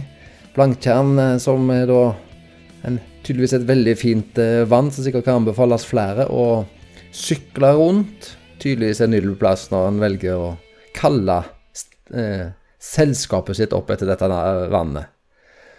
Og um, Mikael, vi har jo hatt eh, noen eh, coacher med før, og på sånn generelt grunnlag, hva tror du om å bruke coach? Vi har vært positive til det før. Tror vi fortsatt på at dette kan være meningsfullt for mange, for å finne både motivasjon og eh, tilpasse hverdagene sine ut ifra det? Ja, det er nok ikke så dumt å ha noen som eh, har et eh, godt eh, blikk på det du holder på med daglig og ukentlig og månedlig, som kan være med å guide og styre. Det er lett for å, å glemme vekk de øktene du liker minst og trenger mest. Så um, vi har jo fulgt Frode på Instagrammen vår i, siden dag én, tror jeg, og virker utrolig flink og dedikert i det arbeidet som han holder på med. Så han er nok ikke feil å spørre han om hjelp. Nei, og vi håper å få møte Frode. Vi skal, som dere hørte, så er jo han trondhjemsbasert og er trønder. Og nå i eh, siste del av november så er det jo eh, ting i Trondheim, og der skal i hvert fall du og meg, eh, Mikael, opp til Trondheim. Og skal så jeg håper at vi får snakka med folk. Jeg har også sagt at jeg håper jeg får snakka med deg, eh, Frode, der oppe, men gjerne andre fra klubber og hvordan dere driver. Kanskje vi får en litt stemningsrapporter fra flere. Så ser dere oss, og ser en mikrofon, så er vi glad hvis, vi, hvis dere ikke bare skygger banen, men kanskje vi kan få noen kommentarer om, om diverse. Og hvis noen vil snakke med oss, så kom gjerne med noe. Så er det ikke vært greit, Mikael? Jo, jeg kan gjerne booke time allerede. Vi skal være der lørdag og søndag, både meg og deg. Så um, det hadde vært kjekt å få litt mer stemningsrapporter og hvordan folk jobber rundt om i klubbene. Det kan jo gagne både dere sjøl og podkasten og hele det norske triatlonmiljøet. Så det er kjekt hvis vi får snakket med flere kompetente kvinner og menn der ute, og klubber. Det hadde vært, um, vært kjekt. Ja, spesielt eh, så du ser med klubb. Vi har jo hatt sånn Hvordan bygge klubb, en podkast eh, tidligere med Geir Iden, din eh, far, eh, Mikael. Og det er helt sikkert en del gode historier eh, fra eh, folk som, eh, som, som er fra klubb, som kommer til tinget, som eh, kanskje har noen meninger og kan fortelle litt om hvordan de driver, kanskje. Og, og sånn få litt grann stemningsrapport for hva som skjer på denne helga. For det er jo mer enn bare ting. Det er jo søndagen, men på lørdagen her så er det jo masse innslag med eh, flere ting som både presentasjon og der Solveig Løvseth snakker om min reise mot toppen.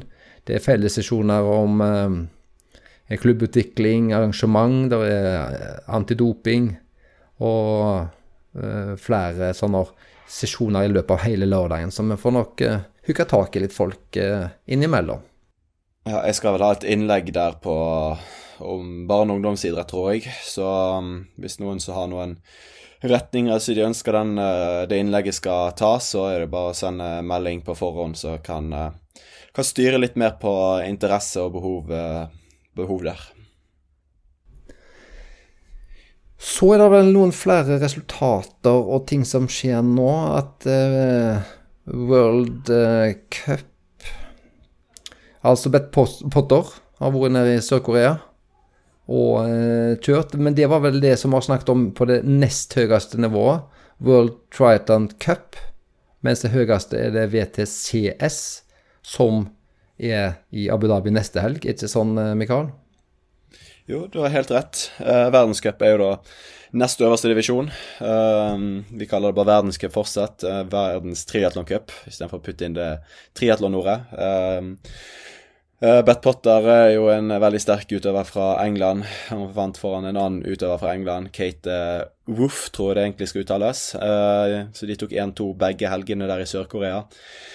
Ikke så mye å si om herreløpene. Det var ikke de største utøverne som stilte der. Det er nok flere av mennene nå som sparer seg til VTCS, da, øverste divisjonen, som skal gå i Abu Dhabi neste helg.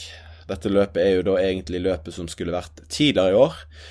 Eh, som da har blitt eh, utsatt. Eh, men løpet nå, samme som da Hamburg som var eh, i september, eh, går jo da inn i cupen for 2022. Eh, så cupen, VTCS-cupen for 2022 vil jo ha veldig mange løp, og det er veldig mange av de beste utøverne som ikke kjører disse eh, VTCS-løpene, da. De kjører gjerne langdistanse, sånn som Gustav og Christian, eller kjører halvdistanse, eller har, har, litt sånn sesongpause etter OL. Så den rankingen der er jo litt skrudd. Jeg mener jo sjøl at de ikke burde inkludert disse løpene i neste års cup, men bare ha de som egne løp med fin pengepremie og, og grei status, sånn at cupen begynner 2022-cupen begynner i 2022. Men det er nå sånn det har blitt, da. Men det at nå Kristian og Gustav tenker annerledes og skal kjøre langdistanse nå, eh, vil de komme litt eh, bakpå? Er det negativt for deg dette her nå, at det kan ødelegge denne VTCS-cupen for dem? De kan havne litt ned på rankingen som gjør at det kan bli vanskelig å komme inn på disse løpene. Men i seg sjøl så er det ikke en utfordring, fordi uh, det er bare så og så mange løp som teller inn i VTCS-rankingen i forhold til å vinne sammenlagt. Uh, og i forhold til OL-rankingen så starter jo den neste år, og det er jo noen utvalgte løp. Så eh, at de ikke kjører, har ikke en så veldig stor betydning, men sånn som så f.eks. Vetle nå, da, som kjører disse løpene, kan jo kan jo kjempe seg lettere og bedre opp på da, eh, verdensrankingen og få det lettere med å delta på løp neste år. Så han har jo allerede tatt eh, noen steg med den åttendeplassen i Hamburg. Så nå i Abu Dhabi så skal Stine da, nei ikke Stine Dale, men Solveig Løvseth og Lotte Miller stille på, på dameløpet. Og på herreløpet så er Jørgen Gundersen, Kasper Stornes og Vette Bergsvik Torn på startlisten. Så får vi se da om uh, skaden til Kasper slipper, og Vetle har følt seg litt, uh, litt uh, slapp etter 70,3-løpet han kjørte på Mallorca. Så vi får se hvem som stiller til start til slutt, da. Men det, det blir en del norske utøvere med, og TV 2 tror jeg fortsatt eier rettighetene da for for cupen, så det er mulig at det blir sendt på, på norsk TV. Hvis ikke så er det Triatlon Live-bruker på nettet som er mulighet for å se løpet på, da. Og ikke nok med at vi har en norsk eh, delegasjon, men eh, det er vel en ja, vi må vel kunne kalle henne en eh, superstjerne fra langdistansesirkuset, og en supersvømmer som stadig kjører kortere løp, Mikael, med Lucy Charles, som er klar for VTCS i Abu Dhabi. Ja, britene har jo da åtte stykk til start, tror jeg, på dette løpet her. De har jo bare hevet med alle så de kan. Det er jo ikke den letteste nasjonen å komme fra hvis du er kvinne og får plass på disse løpene. Så hun har vel Jeg tror ikke hun egentlig trodde at hun hadde mulighet til å komme med, men det har hun eh, klart allikevel.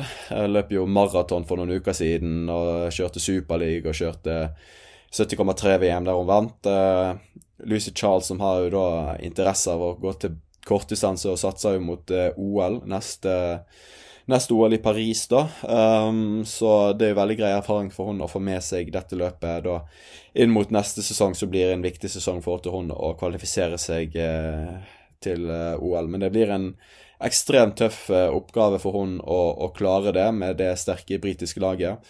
Hun har jo òg satt seg opp på å kjøre da eh, sub 8 neste år, så hun skal jo fortsatt kjøre langdistanse. Så hvordan hun klarer å kombinere denne satsingen, blir blir interessant. Vi har jo en, eh, en norsk utøver som har eh, interesse av å gjøre det samme, Christian Blummenfelt. Så mulig at eh, de får se hvem som klarer det best, da. Si på den måten. Men denne WTCS-en i Abu Dhabi vi snakker om nå, er det en olympisk distanse, eller er det en sprint? Det mener jeg er en sprintdistanse. Så det er jo virkelig en del kortere hun får brynt seg på denne gangen, da. Ja, vi så jo i Superliga at hun, hun har en god del å gå på når det gjelder skiftesone. Så um, det er nok der hun har, har mest å hente. Hun er jo ekstremt god på, um, på, på svømming, og hun er sterk på sykkel. Og hun mangler også mye teknisk på, på sykkel. Så um, vi får se rett og slett hvordan at, uh, dette her går. Det blir jo en liten, ikke eksamen hun har kjørt før, men det blir et nytt steg der hun får teste seg godt. Og samme helg og neste helg, det har vi jo nå Vi har gledet oss til WTCC Abu Dhabi, men uh, junior-VM er vel utsatt og skal gå til neste helg rundt den uh, 6. november, 6. eller 7., vet ikke hva dag det er, med Sebastian Wernersen.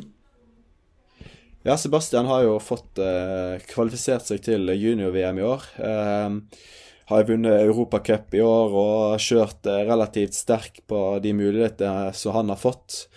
Eh, VM skulle jo egentlig gått uh, da på Bermuda for eh, juniorer. Bermuda ble jo da avlyst og kansellert, men heldigvis så har jo da World Triathlon klart å finne et alternativ til um, til juniorutøverne som har lyst til å kjøre et mesterskap. Så um, det er bra at de har fått det til. Sebastian ser jeg i fortsatt veldig god trening og, og gjør det som han skal. Vi vet lite om de utenlandske utøverne her, men med den sesongen som Sebastian har hatt, så gir han en, en god sjanse på å kjøre inn en, en i hvert fall topp ti, og kanskje til og med medalje, hvis alt stemmer. Da, Sebastian, Vet ikke om du hører på her, men vi heier veldig på deg og skal følge med. Eh, vi snakket så vidt om eh, annendivisjon og førstedivisjon. Vi er verdenscup og VTCS, denne her. Eh, vi skal bare kjapt nevne verdenscupen i triatlon i Bergen neste år, Mikael. Altså, det er jo da den WC, den annen divisjon. Men det er vel grunn til å tro at mange av de beste navnene òg kommer til å stille der, og i hvert fall de norske. Det er 27. og 28. august eh, neste år. Men der stiller de norske. Der er det bare å sette opp eh, frihelg fra jobb og, og reise til Bergen og, og ta med seg uh, regntøyet sitt, for her skal alle de beste norske stille. Uh, uavhengig av, uh, av OL-program og Ironman-program så kommer alle de beste til å, å stille. Kristian Blommenfelt, Gustav Widen, Kasper Storene, Slotte Miller, you name it. Eh, så det blir uh, en utrolig fest. Vet de har kjempestore ambisjoner i Bergen på å få til et uh, utrolig bra arrangement. sånn seervennlig og TV-vennlig. Um, og litt av derfor man kjører da verdenscup. Da får man litt mer frihet til å styre og, og gjøre et uh, utrolig bra produkt. Så får vi se på sikt om det kanskje kan bli et uh, VTCS-løp i framtiden. Skal ikke se bort ifra det. De velger jo steder der det er kult å være, og der det er gode utøvere. og det må vi virkelig si at Bergen har fått de siste årene. Men 27.-28. august, har du gjort noe undersøkelse med Er det ei helg som det er grunn til å tro at mange av de store navnene internasjonalt òg kan ønske å sette av? Eller er det noe midt imellom noe andre større ting, eh, tenker du? Akkurat det har jeg ikke i hodet, men um... Det får du ta oss undersøke litt om neste gang, så skal vi da eh, For du liker jo også predict, altså Du gjetter jo ofte veldig godt. Skal jeg gjette allerede neste års resultat eh, nå? Om ikke så, resultat, så i hvert fall hvem som stiller. Om det er noen store navn. Ja. Det syns jeg vi skal Ja, det skal vi finne ut av. Hvis ikke så får vi uh, hjelpe de å komme til Bergen. Det skal vi få til. Så jeg snakket jo litt med Jan Frodeno i California. og han hadde slitt litt med å komme seg over til Statene pga. koronatest, og så hadde han uh, fløy over Bergen. Det var første gang han hadde gjort tror han. Uh, og sa jo at han lurte på om det var et tegn, at uh, han hadde sett ned på Bergen. Um, på at nå skulle han tape eller et eller annet sånt som det. Så sa jeg ja, du vet det er verdenscup i Bergen neste år, så det, det bare bli med. Uh, jeg var ikke helt giret på det. Han mente han hadde mistet for mye fart. Men Iallfall det. er Nå invitert noen, i hvert fall. Så får vi se om han kommer på verdenscup i Bergen. Det hadde vært litt, uh, litt kult, hadde ikke det? Jo, det hadde vært veldig kult. Men er det sånn at de bestemmer det sjøl, eller er det en, uh, landslaget, federation, som plukker ut folk til sånt? Nei, du må ha um, du, du, sender jo da interessen din på å delta til, til forbundet ditt i ditt, din, ditt land, og så setter de deg opp på startliste. Uh, så hvis det er uh, ikke mange tyskere som stiller, så kan han ta replacement, så han kan få plass hvis han har, uh, han har lyst til det. Uh, og hvis det er ikke mange som stiller i det hele tatt, så går jo den påmeldingslisten lenger og lenger ned på rankingen. Så en, en dårlig ranket utøver kan få plass hvis det, hvis det er få som stiller. Så det, vi skal nok få ordnet det hvis det er stor interesse fra legenden sjøl. Da har du lovt det. Da har du lovt det, Mikael. Du har vel jeg gode gjøre, kontakter. Jeg skal gjøre mitt beste for å få han til start. Ja, det var gøy. Du, og så har vi jo en eh, superstjerne til som har kjørt. Altså med Vincent Louis, som har vunnet masse. Han hadde jo vel en moderat sesong eh, den eh, inneværende sesong som var nå. Med sesongen før, og to sesongene før, har han vunnet det aller meste han har vært med på, men litt tyngre i den sesongen som har vært. Men han virker å ha vært tilbake på vinnersporet. Kjørt en, eh, en triatlon i Los Angeles, som du hadde plukket opp og fått med deg. Ja, Vincent Lue har jo uttalt noen intervjuer at han har lyst til å prøve seg mer på halvdistanse, altså non-drafting-løp. Um, har jo da hentet inspirasjon fra Christian Blommefelt og Gustav Iden når de ser at de kan vinne, vinne disse distansene her. Så har han lyst til å teste det mer sjøl. Han kjørte jo Daytona i fjor, ble jo, fikk jo da en penalty der og, og forsvant med, med, det ut av løpet sånn for å vinne. Eh, men de siste månedene nå så har han vært eh, mye i USA. Eh, han har en kjæreste som bor i, i USA. Har vært her og trent på temposykkel sin, vært i vindtunnel og optimalisert. Så han kjørte da en LA Triathlon, sponsored by Herbalife eller et eller annet sånt som det. Vant den, ikke den største konkurransen. Det var jo Ben Canute på andreplass og Mickey Tagholt på, på tredjeplass. Men det blir spennende å se nå med Vincent Louis, hva han uh, gjør uh, de neste månedene og neste år i forhold til halvdistansesatsing. Han kommer jo garantert til å kjøre OL i Paris på hjemmebane der. Men om han klarer da å, å switche over til til halvdistanse. Jeg er litt skeptisk. Han er nok litt for eksplosiv til å gjøre det veldig, veldig veldig bra, tror jeg. Eh, må endre treningen sin ganske mye skal han få veldig stor suksess. Men det ryktes om at han kanskje skal stille da i Daytona i desember, eller at han skal kjøre da Indian Welsh, eh, som er samme helg, tror jeg. Så vi får følge progresjonen og utviklingen hans videre der. I eh, LA Triathlon så vant jo Ella, Emma Pellant Brown. Og Heather Jackson kom på, på tredjeplass, de to mest kjente utøverne på start der. Og mens vi snakker nå, så er mange av de samme utøverne som kjørte LA Triathlon da og kjører Oceanside. Eh, så for øyeblikket så leder jo da Paula Finley og eh, og eh, Ben Kanu, tror jeg. Så der er det bare å sjekke opp resultatlistene når dere, når dere hører episoden. Skal vi bare nevne, Mikael, om disse dopingfolkene? Så om de er utenlandske eller norske, så vil vi alltid forfølge folk som blir tatt i doping, for det er ikke greit. Navn skal nevnes, og det er spott og spe. Eh, det godtas ikke, og det er med på å ødelegge denne sporten, som vi alle syns er fine.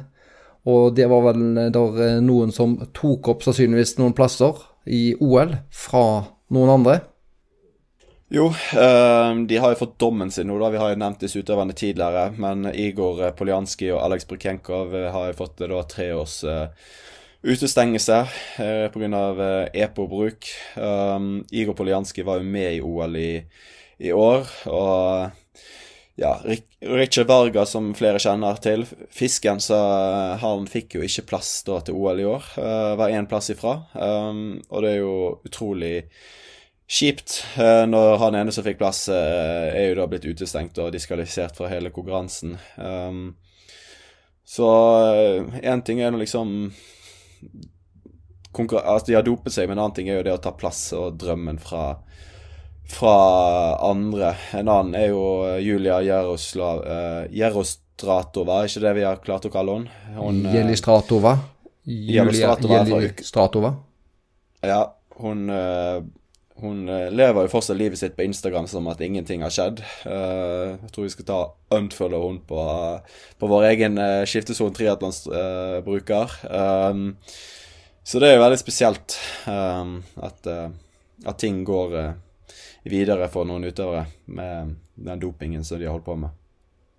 Skal vi nevne denne appen, Mikael, med um, som eh, vi så eh, har sett at eh, Jan Frodeno og eh, det var vel en Theo som uh, antyda i sine Instagram og sine profiler med Annie Questions, der en da kan få stille disse store gutta spørsmål. Og det er en sånn ny app som er lagd. Er det noe som du tror er noe som er, er bra? Er det interessant for folk flest å få kunne stille disse superstjernene masse spørsmål?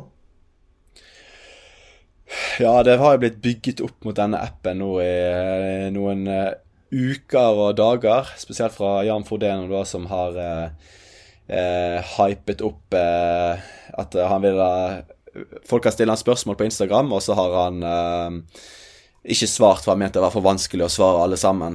Og så har jo vi skjønt da at Eh, det er et eller annet som er på ferde her. Så det han har laget, hadde vært med på en app da, som skal gjøre det da, lettere for proffe utøvere å, å, kunne svare på spørsmål fra fans. Men eh, nedsiden her da er jo at det koster jo 15 dollar i måneden å, å være med på den appen. Så de har fått med seg en god del kjente navn i hvert fall uttalt i starten, men flere av navnene er jo da vekke fra, fra annonseringen av den appen. Så jeg tror det er en del som har trukket seg. Eh, fordi de har kanskje ikke helt fått vite konseptet eh, før, eh, før det var for seint. Så um, jeg er spent på hvordan denne her appen går videre.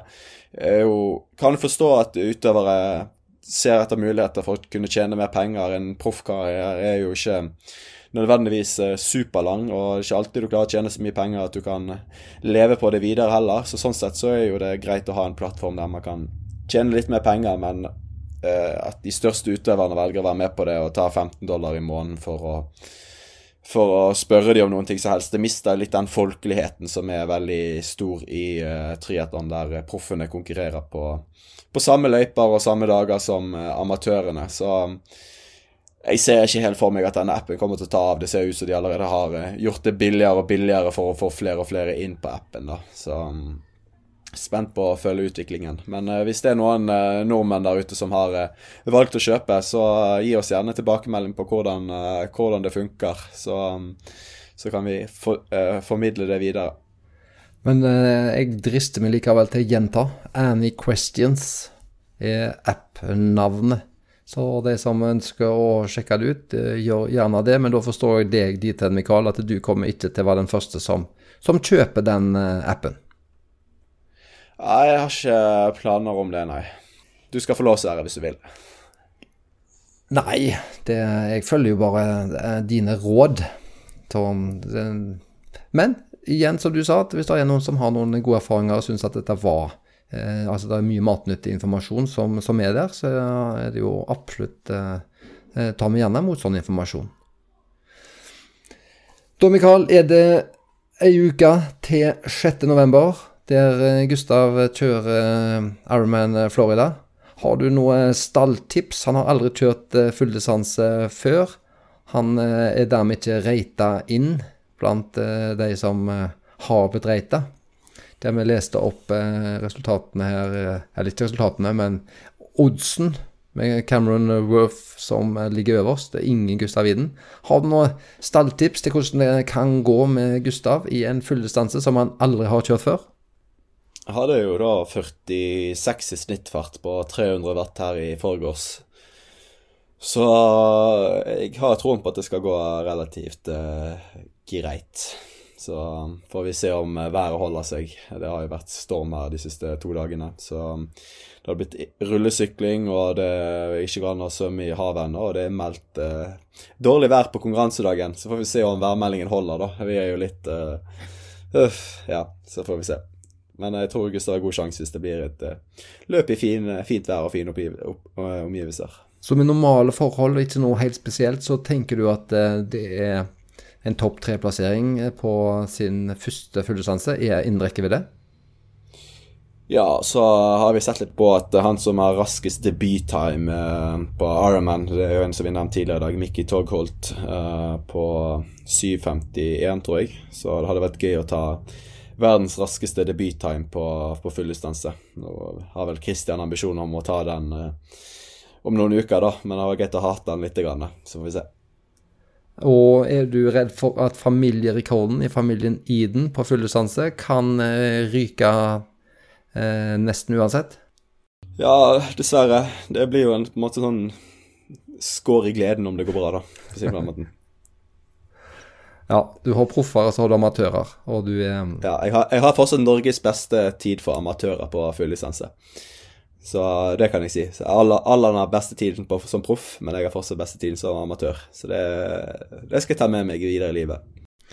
Fint, fint. Dette ble en eh, lang episode. Eh, takket være et, eh, en veldig hyggelig eh, besøk, hvis vi får lov å si det, av spesielt eh, Frode fra Blankjern Coaching. I tillegg så fikk jo vi snakka mye. Det er en stund siden vi har snakka i lag eh, sist, Mikael. Eh, Vi håper vi vel og tror at vi kanskje får inn en episode Kanskje vi får en før dette tinget i Trondheim. Eh, Vi må jo kanskje oppsummere, i hvert fall hvis det går bra, i Florida med Gustav og flere andre ting med Sebastian i junior-VM og andre ting som skjer i Abu Dhabi neste helg. Så jeg håper vi får en episode, Mikael, før eh, tinget. Ja, det hadde vært kjekt. Eh, Det er jo noen uker til, så det bør vi, bør vi klare å få til. Har vi da noe som eh, skal oppsummere med, eller skal vi bare la alt, alt dette innholdet snakke for seg sjøl? Vi lar innholdet snakke for seg sjøl, og hvis det er noen som har spørsmål, så send det til oss. Hvis det kommer mange spørsmål, så er vi nødt til å ta en episode til eh, i løpet av halvannen uke. Så da um, kan vi si det sånn. Får vi masse spørsmål, så kjører vi på med episode for de som er sultefòret på content. Og vi kommer ikke til å gå inn via Any Questions-appen og ta 15 dollar eh, måneden. Her Vi skal du få det eh, gratis. gratis. Her er det Yay. gratis. Takk for at eh, du har hørt på oss i Skiftesonen Triatlonpodden i dag. Vi høres snart igjen. Ha det godt.